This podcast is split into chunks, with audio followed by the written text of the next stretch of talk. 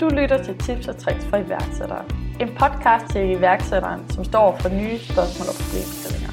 Formatet er cirka 10 minutter, og hvert afsnit omhandler et helt specifikt emne om alt lige fra patentansøgning til online annoncering. Der er ingen rigtig lytte-rækkefølge, så du kan nøjes med at høre det afsnit, der giver mening for dig lige nu og her.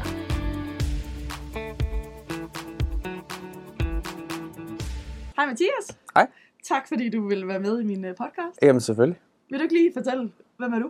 Jo, øh, jamen jeg hedder Mathias Preisler. Øh, jeg er direktør i virksomheden Juicebox, som er sådan en musikvirksomhed. Vi kalder det til lidt Airbnb for lydstudier. Øh, så det er sådan en platform, hvor musikere kan finde de lydstudier, producer og lydteknikere og sådan noget, de skal bruge. Og så øh, ligger de studier og lydteknikere så som udbyder ind hos os, og kan ligesom sælge deres services eller udleje deres studier gennem os.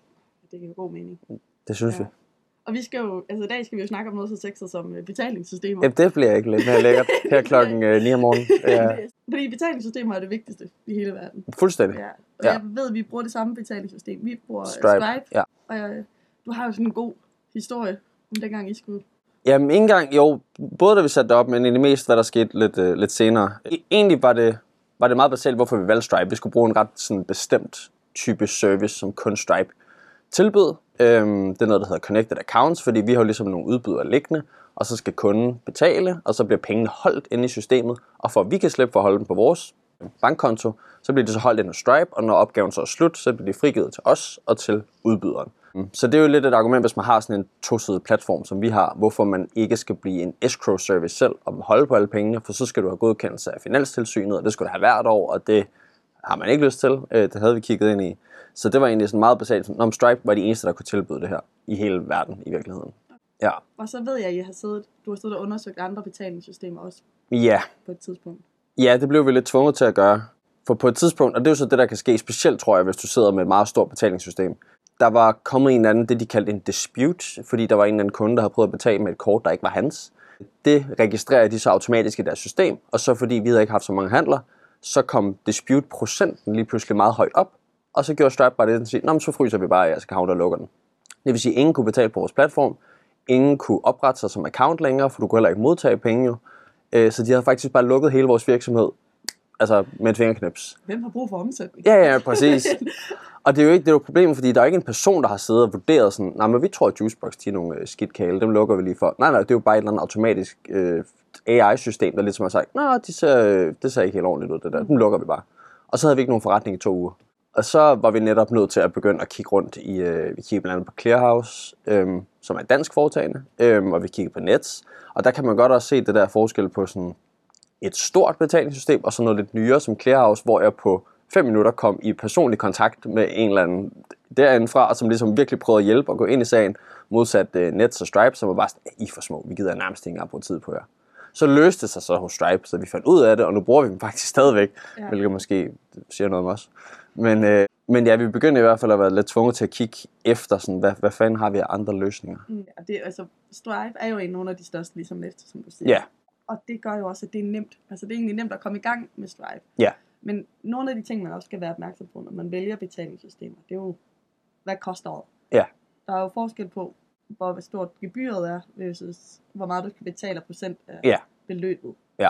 Så hvad vil du sige vil være det smarteste, hvis man sidder som startup, og lad os sige, du har en øh, e-commerce virksomhed, ja. og du skal i gang med at...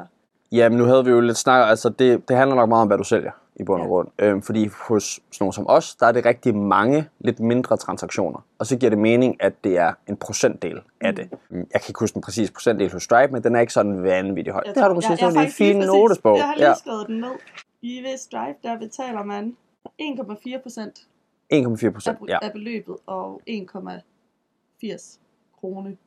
ja, det er sådan der. Og så har vi så nogle ekstra gebyrer på, fordi vi har de her connected accounts, men det smider vi over på dem. Så det er jo sådan nemt det.